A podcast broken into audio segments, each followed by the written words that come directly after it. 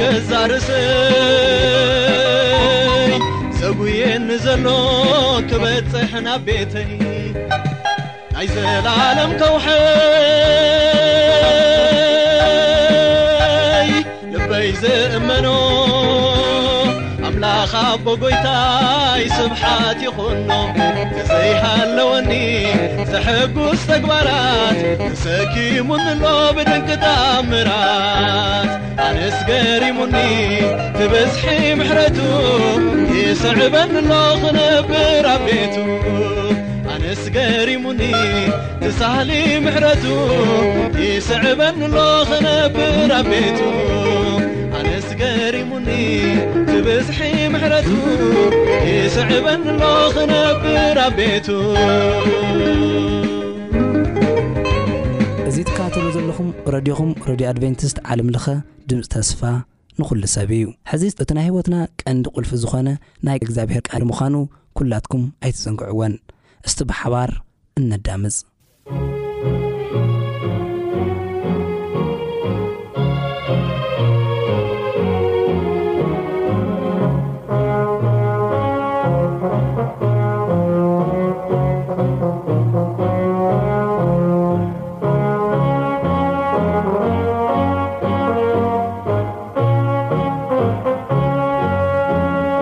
ሰላም ሰላም ክብራት ተክታተልቲ መደባትና ሰላም ኣምላኽ ምሳኹም ይኹም ብብዘለኹምዎ እናበልና ሎማዓንቲ ብዘለና ግዜ ከምቲ ልሙድ ቃል ኣምላኽና ናባኹም ሒዝና ክንቀርብ ኢና እግዚኣብሔር ንዝሃበና ንዚ ግዜ እዚ ንዝሓበና ጥዕና ንዝሓበና ሰላም ክንወፅእ ክንኣቱ ብሰላም ክንስነይ ብሓጎስ ክንወፅእ ፍቓዱ ስለ ዝኾነ ኣቦ ብርሃናት ኣንግሑ ብርሃን ሄበና እቲ ፀልማት ምስ ፀልመት ኣይተርፍን ናብ ብርሃን ንወፅእ እንደገና ይፅልምት እንደገና ይመስ ይወግሕ እግዚኣብሔር ኣምላክ ግን በዚ ኩሉ ምሳና ኣሎና ኣምላክና ነዚ ተግባራት ኩሉ እናመስገና ፀሎት ገና መደባትና ክንጅምር ኢና ክብራ ተከታተልትና ንስኹም ለብቢ ዘለኹሞ ከከም ዘለኹሞም ኩነታት ኮይንኩም ገሌኹም ኣብ ሶሻል ሚድያ ገሌኹም ከዓ ኣብ ሬድዮታትኩም ነዚ መደብ እዚ ትከታትሉ ዘለኹም እግዚኣብሔር ኣምላኽ በብዘለኹሞ ይባርኩም ጸሎት ንገብር እሞ ካብ መጽሓፍ ቅዱስና ሓደ ክፍሊ ክንርኢና ቅድሚኡ ግና እስቲ ኣብ ትንቢት ሃጌ ምዕራፍ ሓደ ተወሰኑ ቁፅርታት ነንብብ ትንቢት ሃጌ ምዕራፍ ሓደን ምዕራፍ ክልተን ካብ ዘሎ ሃሳብ ባህባር ክንርኢና ከምዘይብል ብካልኣይቲ ዓመት ንጉስ ዳርዮስ ብሳልሰይቲ ወርሒ ካብታ ወርሒ ኸዓ ብቀዳመይቲ መዓልቲ ብኢድ ነቢ ሃጌ ከምዚ ዝብል ቃል እግዚኣብሔር ናብ ዜሩባቤል ወዲ ሰኣላትኤል ምስለነ ይሁዳ ናብ እያሱ ወዲ የኋዳቅ ሊቀ ካህናት መጸ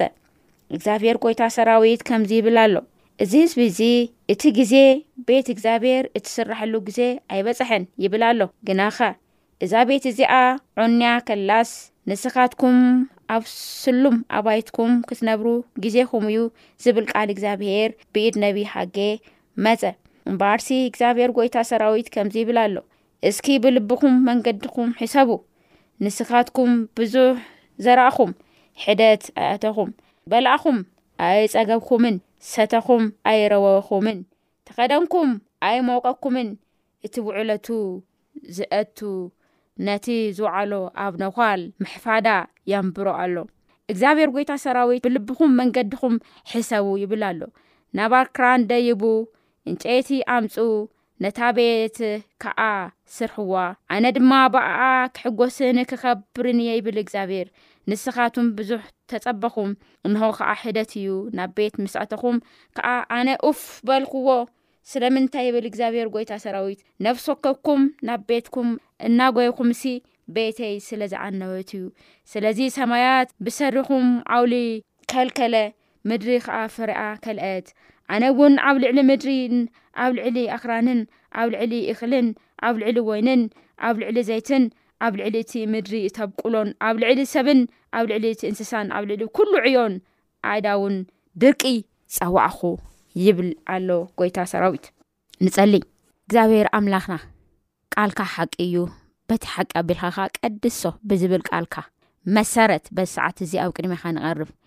እቲ ቃልካ ሓቂ እዩ በቲ ቃልካ ሓቂ ኣቢልካ ከ ክትቅድሰና ንልምነካ እግዚኣብሔር ኣምላኸይ መመዓልቲ ትዛረበና ከለኻ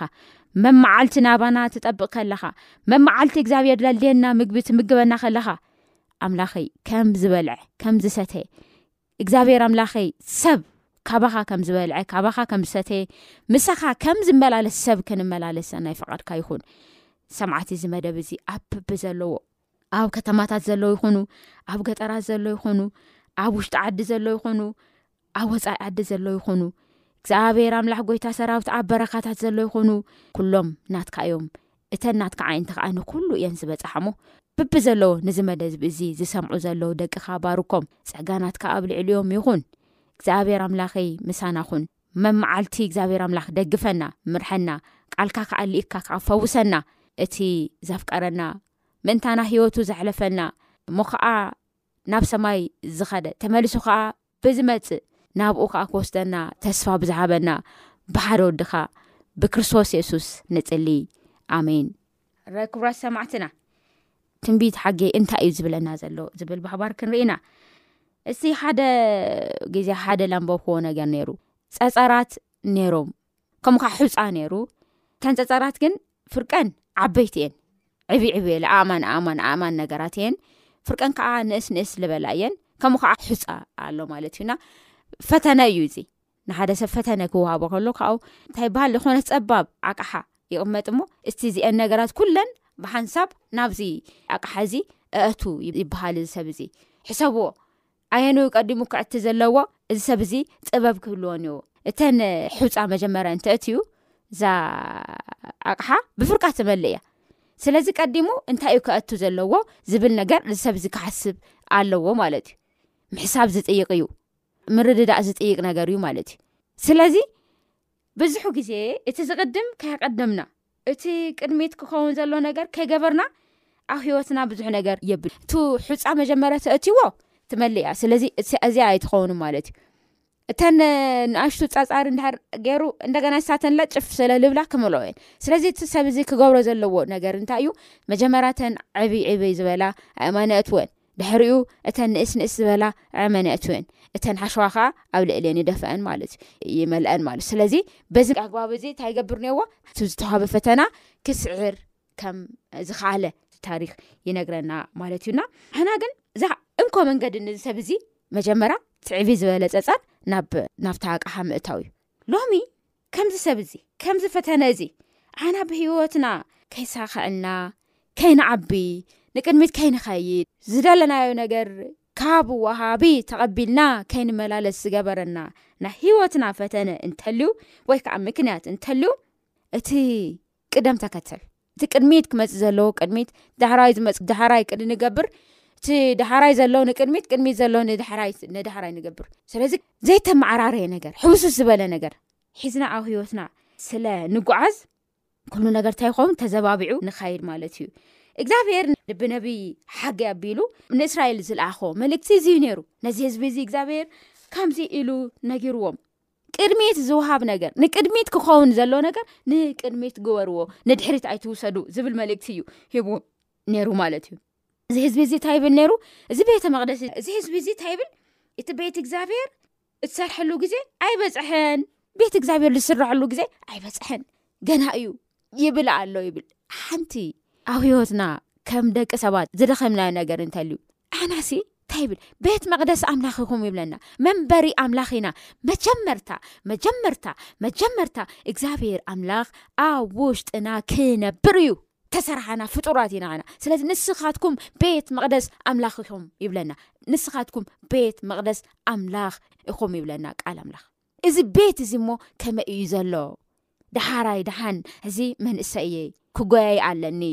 ድላይ ንረክበሉ ልጓየሉ ዘመን እዩ ንክርስትና ግዜ ይብለይ ንፀሎት ግዜ ይብለይ ቃሉ ንምንባብ ግዜ ይብለይ ንእግዚኣብሔር ንምድማፅ ግዜ ይብለይ ቤተክርስትያን ንምኻድ ግዜ ይብለይ ምክንያቱም እዚ ግዜ እዚ እንታይ እዩ ልጓየሉ ግዜ እዩ ክጎያይ እየ ገና ዳሓረ እቲ እግዚኣብሄርሲ ናመን ኢና ንገሮ ናድኹማት ናይ ኣሮግቶት ዕድመ ዝሃቦም እግዚኣብሄር ብዕድመ ዘንበሮም መወዳእታ ዘመኖም ኣብ ቤት ኣምላኽ ንዝነብሩ ንኦም ኢና ንህቦ ክንዳኦም ምስ ኮንኩ ክንዳኦም ክንከውን ዲና ኣይንኸውንን መን እዩ እዚ ፍቓድ እዚ ዝሃበና ሂወትና ኣኢድና ድያ ዘላ ስለዚ ከም እስራኤል እዚ ቤት እዚ ገና እዩ ኢሎም ገና እዩ ምባሎም ጥራሕ ኣይኮነን ግን እንታይ ገይሮም ኣባይቶም ሰሪሖም ይብል ኣባይቶም ሓኒፆም ኣባይትኩም ክትነብሩ ግዜኹም እዩ ዝብል ቃል እግዚኣብሄር ብኢድ ነቢ ሓገ መፀ ኤምበኣርሲ እግዚኣብሄር ጎይታ ሰራዊት ከም ዝብል ኣሉ እስቲ ብልብኹም መንገድኹም ሕሰቡ ንስኻትኩም ብዙሕ ዘርኣኹም ሕደት ኣእትኹም እግዚኣብሄር ዘይብሉ ነገር እንተዘርኣኻ ውሑድ እዩ እንተ ተጓየኻ እቲ እቲ እቲ ተበልካ ውሑድ እዩ እግዚኣብሔር ዘይብሉ ነገር ባዶ እዩ ንስኻትኩም ብዙሕ ዘረኣኹም ሕደት እንታይ ጌርኩም ኣእተኹም ይብል በላዕኹም በላዕኹም ብክልተ ኣፍና ኣእቲና ሓይኽና ብክልተ ማዕጉርትና ሓይኽና መሊእና ላእተናዮ ነገር መሊሱ እንታይ ገብረና ኣያፅግበናን ኣያፅግበናን መመልሱ ውሽጥና ካልእ እዩ ዝደሊ እግዚኣብሄር እንተዘየለ ጎይታ የሱስ ክርስቶስ ጎይታና እንተዘይኮይኑ ናቱ ቤተ መቅደስ እንተዘይኮይንና ዕግበት ዝበሃል ነገር የብልናን ኣብዚ ምድሪ ማለት ኣይንዓግብን ሰተኹም ግን ኣይረወኹምን ይብል ርወየት ዝበሃል የለን ተኸደንኩም ኣይሞቀኩምን ተኸደንኩም ኣይሞቀኩምን ዝተፈላለዩ ክዳውንቲ ብዙሕ ሃልዩና ዝመረፅናዮ መሪፅና እንተምፂና ግን ውሽጥና ሕዚ እውን ባዶ ባዶ ባዶ እዩ ውሽጥካ ባዶ እዩ ውሽጢኪ ባዶ እዩ ውሽጥኩም ባዶ እዩ ይብለና ንምንታይ ሲ እቲ ባዶነት ክመልእ ዝኽእል ኣምላኽ ምሳና ስለ ዘየለ ማለት እዩ ኣምላኽ እንተዘየለ ባዶ ኢና እንተበሊዕና ባዶ ኢና እንተሰቲና ባዶ ኢና እንተተኸዲና ባዶ ኢና እቲ ንሰርሖ ዘበለ ነገር ኩሉ እንታይ ይኸውን ባዶ ከም ዝኸውን ቃል ኣምላኽ ኣብ ስፍራ እዚ ይነግረና ማለት እዩ እንታይ ኢልዎም እዚ ገዛ እዚ ፈሪሱ ከሎ ንስኻትኩም ግን ኣብ ፅቡቅ ገዛውቲ ናይ በዓልኩም ገዛ ሓቢፅኩም ሰሪሕኩም ትነብሩ ኣለኹም ኢሉ ገዛ ሰሪሕና ኢሎም ምናልባት ብፅቡቅ ኣእማን ብፅቡቅ መጋየፅሲ ብዝተፈላለየ ነገር ገይሮም ኣፀቢቆም ሰሪሖም እዚ ገዛ ይነብሩ ኣለው ብና እግዚኣብሄር ኣረኣያ ግን ብዓይነቲ እግዚኣብሄር ግን እዚ ኩሉ ናኹም ባዶ እዩ ምክንያቱም ኣነ የለኹ ይልዎም ኣነ የለኹም የለኹ ኣብ ቤትኩም ስለዚ ንዓይ እንተዘይኣዲምኩም ኣነ ርእሲ ቤትኩም እንተዘይኮንኩም ታይታይ ኹም ንስኹም ባዶ ኢኹም ምንም የብልኩምን ኢሉ ክዛረብ ከሎ ኢና ንርኢ እግዚኣብሔር ዘይቀደሞ ነገር ከንቱ እዩ ናይ ከንቱነት ከንቱ እዩ ክብራ ተከታተልቲ መደባትና እግዚኣብሔር ኣብ ቤትና ብከመይ ኢና ነተኣናግዶ ዘለና ቤትና እታ እዩ ዝመስል በዓልና ድና ሃኒፅና ወይፅ ሓናፂ ቤትና ኣምላክና እዩ ርእሲ ቤትና መን እዩ እዚ ንፈትሽ ሎሚ እዚ ንረአየ ሎሚ እቲ መጀመርታ እቲ ማእኸላይ እቲ መወዳእታ ዝኾነ እግዚኣብሔር ኣምላኽ ቤትና ክሃንፅ ይድለ እዩ ሎሚ ስለዚ እቲ ቤትና እንታይ እዩ ዝመስል ነዚ ክንሓስብ ይግባኣና ማለት እዩ ኣብዚ ቦታ እዚ እንታይ ኢልዎም እግዚኣብሄር ጎይታ ሰራዊት ብልብኹም መንገድኹም ሕሰቡ ይብል ብልብኹም መንገድኹም እንታይ ግበሩ ሕሰቡ ይብል ኣሎ ይብል እግዚኣብሄር ዘይቀደሞ ነገር ንሱ መሰረት ዘይኮነኑ ነገር ከንቱ ልፋዓት እዩ ከንቱ እዩ ናይ ከንቱነት ከንቱ እዩ ኣብ ዝተቐደደ ኣቁማዳ ወይ ከዓ ኣብ ዝተቐደደ መትሕዚ ዝኣተየ ማንኛውም ነገር ይኹን ገንዘብ ይኹን እኽሊ ይኹን ገለ ይኹን እቲ መትሕዚኡ እንተተቐዲዱ ክሕዝ ኣይኽእልን ማለት እዩ ስለዚ እግዚኣብሄር ኣብ ዘይብሉ ነገር ንእተናዮ ኣብኡ ኣትና ሾክሽግና ንእተናዮ ነገር ኩሉ ዓና ብላዕሊ ንእትዮ ብታሕቲ ፈሲሱ ዝተርፍ ነገር ከም ዝኾነ ኣብዚ ቦታ እዚ ይነግረና ማለት እዩ እግዚኣብሄር ዘይመስረቶ ነገር ኩሉ ዝጠፍእ ከም ዝኾነ ይነግረና ሂወት ብዘይ እግዚኣብሄር ብዘይ ኣምላኽና ባዶ ከም ዝኾነ ንርኢ እዚ ሓቂ እዩ ስለዚ እስኪ ጎይታ ሰራዊት ከምዚ ይብል ብልብኹም መንገድኹም ሕሰቡ እሞ ናብ ኣምላኽ ተመለሱ ዝብል ድምፂ እግዚኣብሄር ይመፅእ እዚ መልእክቲ እዚ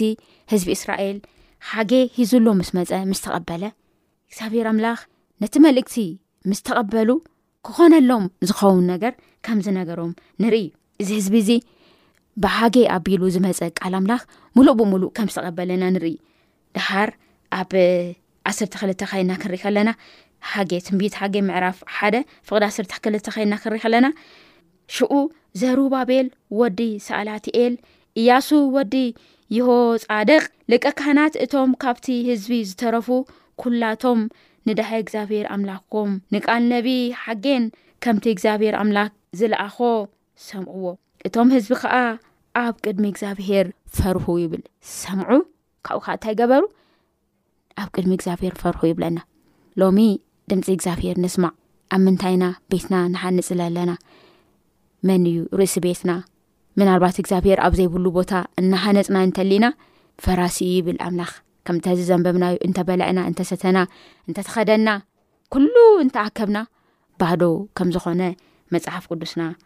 ኣረጋጊጹ ይነግረና ፍቐዳ ስር ሰለስተ ንእግዚኣብሔር እዚ ህዝቢ ምስ ፈርሀ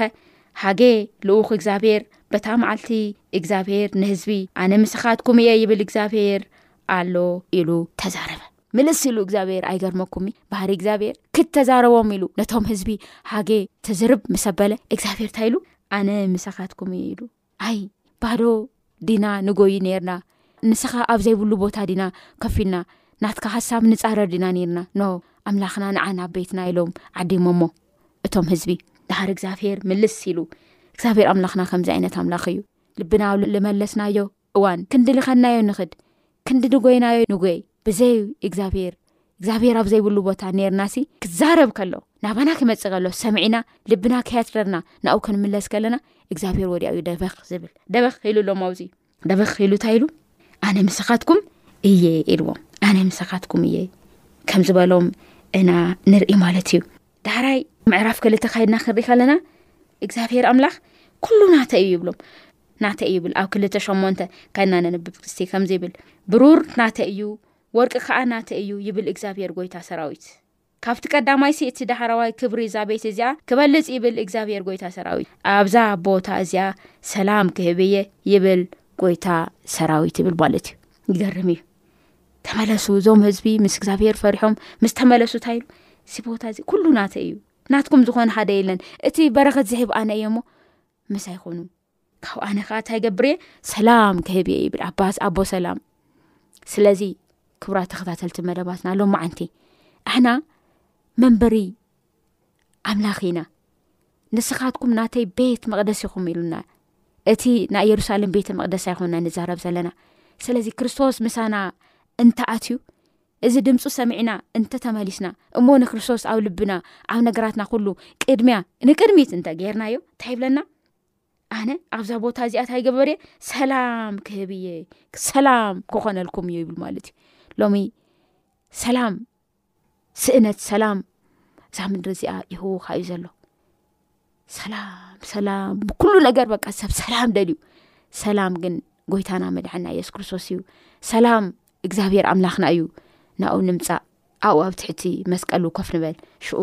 ሰላም ከም ንረክብ እዚ ቦታ እዚ ይነግረና ማለት እዩ እንታይ ይብለና ኣብ ማቴዎስ ምዕራፍ ሽዱሽተ ፍቅዲ ሰላሳ ሰለስተን ኩላትና ንፈልጦ ደጋጊምና ንፈልጦ ጥቕሲ እንታይ ይብል ኣኸዲምኹምሲ ፅድቅን መንግስትን ኣምላኽ ድለዩ እሞ እቲ ካሊእ ኩሉ ሲ እንታይ ይገብረልኩም ይብል ክውሰኸኩም እዩ ይብል ማለት እዩ ኣቐዲምኩም እንታይ ግበሩ ፅድቅን መንግስትን ኣምላኽ ድለዩ ካሊእ ኩሉ ዘበለ እንታይ ይገብር እየ ክውስኸኩም እየ ይብለና ጎይታና መድኒና ኢየሱስ ክርስቶስ ማለት እዩ ስለዚ ክብራ ተከታተልቲ መደባትና ሎሚ እቲ ክቅድም ዝግብኦ ክነቐድም ማለት እዩ ልገርመኩም እቲ ዓብዪ መፅሓፍ እዚ መፅሓፍ ቅዱስ እዚ ክጅምር ከሎ ብመጀመርታ እግዚኣብሄር ኢሉ ዩ ዝጅምር ናይ ሂወትና መጀመርታ ናይ ሂወትና ማእኸላይ ናይ ሂወትና መወዳእታ የማና ፀጋምና ድሕሪትና ቅድሚትና ኩሉ ብመጀመርታ እግዚኣብሄር ኣብ ሂወትና ተገይርና ካሊእ ነገር ኩሉ ክውስኸና እዩ ከምኡዩ ዝብል ኣቀዲምኩም ፅድቅን መንግስትን ኣምላኽንታይ ግበሩ ድለዩ ካሊእ ኩሉ እንታይ ክኸውን እዩ ክውስኸኩም እዩ ይብለና ማለት እዩ ኣብ መወዳእታ ኣብ መወዳእታ ኣብ ኤርምያስ መፅሓፍ ንኸድ ሞ ደጉዓ ኤርምያስ ንኸድ ሞ ኣብኡ ኣብ ምዕራፍ ሰለስተ ፍቕዲ ኣርበዓ ዘሎ ሃሳብ ኣንቢብና ናብ መወዳእታ ክንመፅ ኢና ደጉዓ ኤርምያስ ምዕራፍ ሰለስተ ፍቕዲ ኣርበዓ ከምዚ ይብል መንገድና ንተዓዘብን ንመርምርን እሞ ናብ እግዚኣብሄር እንታይ ንግበር ንመለስ ይብል መንገድና ንተዓዘብን ንመርምርን እሞ ናብ እግዚኣብሄር ንመለስ ይብለና ስለዚ እስራኤል መንገዶም መርሚሮም እግዚኣብሄር ክዛረቦም ከሎ ሰሚዖም ናብ እግዚኣብሄር ምስ ተመለሱ እግዚኣብሄር ከም ዝበፅሐሎም ኣነ ኣብዚ ቦታ እዚ ሰላም ክገብረልኩም እየ ከምቲ ዝበሎ ናትና ሰላም እውን ብኣምላኽና ብመድሓኒና ብኢየሱስ ክርስቶስ ዝተሓደሰ ክኸውን ክብለና ከሎ ክዛረበና ከሎ በዚ ሰዓት እዚ እውን እግዚኣብሄር ይዛረበና ኣሎ መንፈስ ቅዱስ ይዛረበና ኣሎ ስለዚ መንገድና ንመርምር ንተዓዘብ ናብ እግዚኣብሄር ከዓ ንመለስ ኣምላኽ ሰላም ከዓ ብምልኣት ኣባና ክኸውን እዩ እቲ ላሌና ለበለ ከዓ ካብኡ ዝተላዓለ ካባና እተዘይኮነስ ካብኡ ዝተላዓለ ሙሉእ ክገብሮ እዩና በዚ ኣምላኽ እዚ ክንእመን ልብናን ሓሳብናን ኩሉ ናብቲ ብመጀመርታ ናብ ዘድሊ ኣምላኽና ክንገብር እግዚኣብሔር ፀጉሑ የብዝሐልና ንኣምላኽ ፀጋ ኣብ ልዕለና ይኹን ብብዘለኹም ሞ ሕዚ እውን ደጊምና እግዚኣብሔር ይባርኩም ክንብለኩም ንፈቱ ሕፅር ዝበለ ፀሎት ጌርና መደብና ኣብዚ ንዛዘም ኢና ጎይታ ነመስግነካ ናይ ሂወትና መጀመርታ ማእኸላይ መወዳእታ ንስኻ በይንኻ ስለ ዝኾንካ ተባርኽ እግዚኣብሔር ኣምላኽና በሰዓት እዚ እዚ ቃልካ እዚ ልኢኻልና ኢኻ ሰሚዕናዮ ኢና ምስ ሰማዕናዩ ግን እግዚኣብሔር ኣምላኽ ምስ ደምና ምስ ሓሳባትና ምስ ቅዱስ መንፈስካ እግዚኣብሔር ኣምላኽ ተሓዋዊሱ ኩሉ ኣብ ውሽጥና ደሎ ንሽምካ ክብሪ ዝኸውን ነገር ክኸውን ንልምነካ ኣለና ብብዘለናዮ ሰላም ናትካ ይብዝሓልና ብናትካ ፍቕርን ፀጋን ምሕረትን ለውሓትን እግዚኣብሔር ኣምላኽ ክንመላለስ ርድኣና ናይ ነገራትና ኩሉ መጀመርታ ስኻ ክንገብር ከዓ ርድኣና ሰማዕቲ ብብዘለዉ ቦታ ጎይታ ቅዱስ መንፈስካ ኣብ ሓቢርዎም ክኸውን ኣብ ዘልዮም ዘበለ እግዚኣብሔር ኣምላኽ ናትካ ጸጋን ምሕረትን ለውሃት ፍቕርን ሓቢርዎም ክኸውን ንልምነካ እዚ ኩሉ ክንብል ከለና በቲ ሓደ ወድኻ ብመድሓኒና ብየሱስ ክርስቶስ ኣቢልና ንጽሊ ኣሜን